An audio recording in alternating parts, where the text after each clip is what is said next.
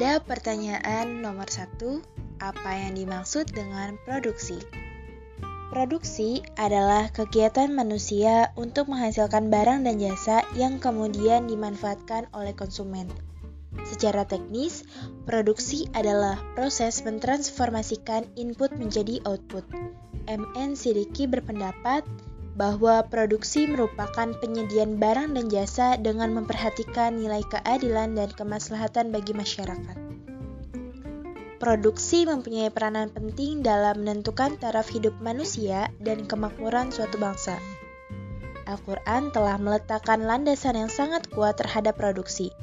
Dalam Al-Quran dan Sunnah Rasul banyak dicontohkan sebagaimana umat Islam diperintahkan untuk bekerja keras dalam mencari penghidupan agar mereka dapat melangsungkan kehidupannya dengan lebih baik.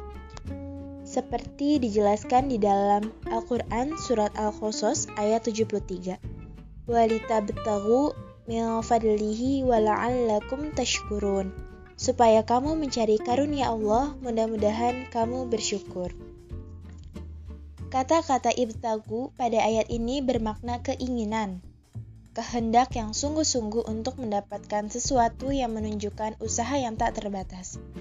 Sedangkan fadl atau karunia berarti perbaikan ekonomi yang menjadikan kehidupan manusia secara ekonomis mendapatkan kelebihan dan kebahagiaan.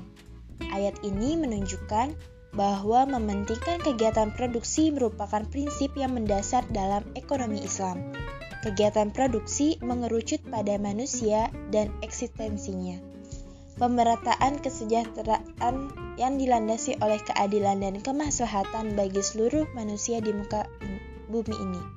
Dengan demikian, kepentingan manusia yang sejalan dengan moral Islam harus menjadi fokus dan target dari kegiatan produksi.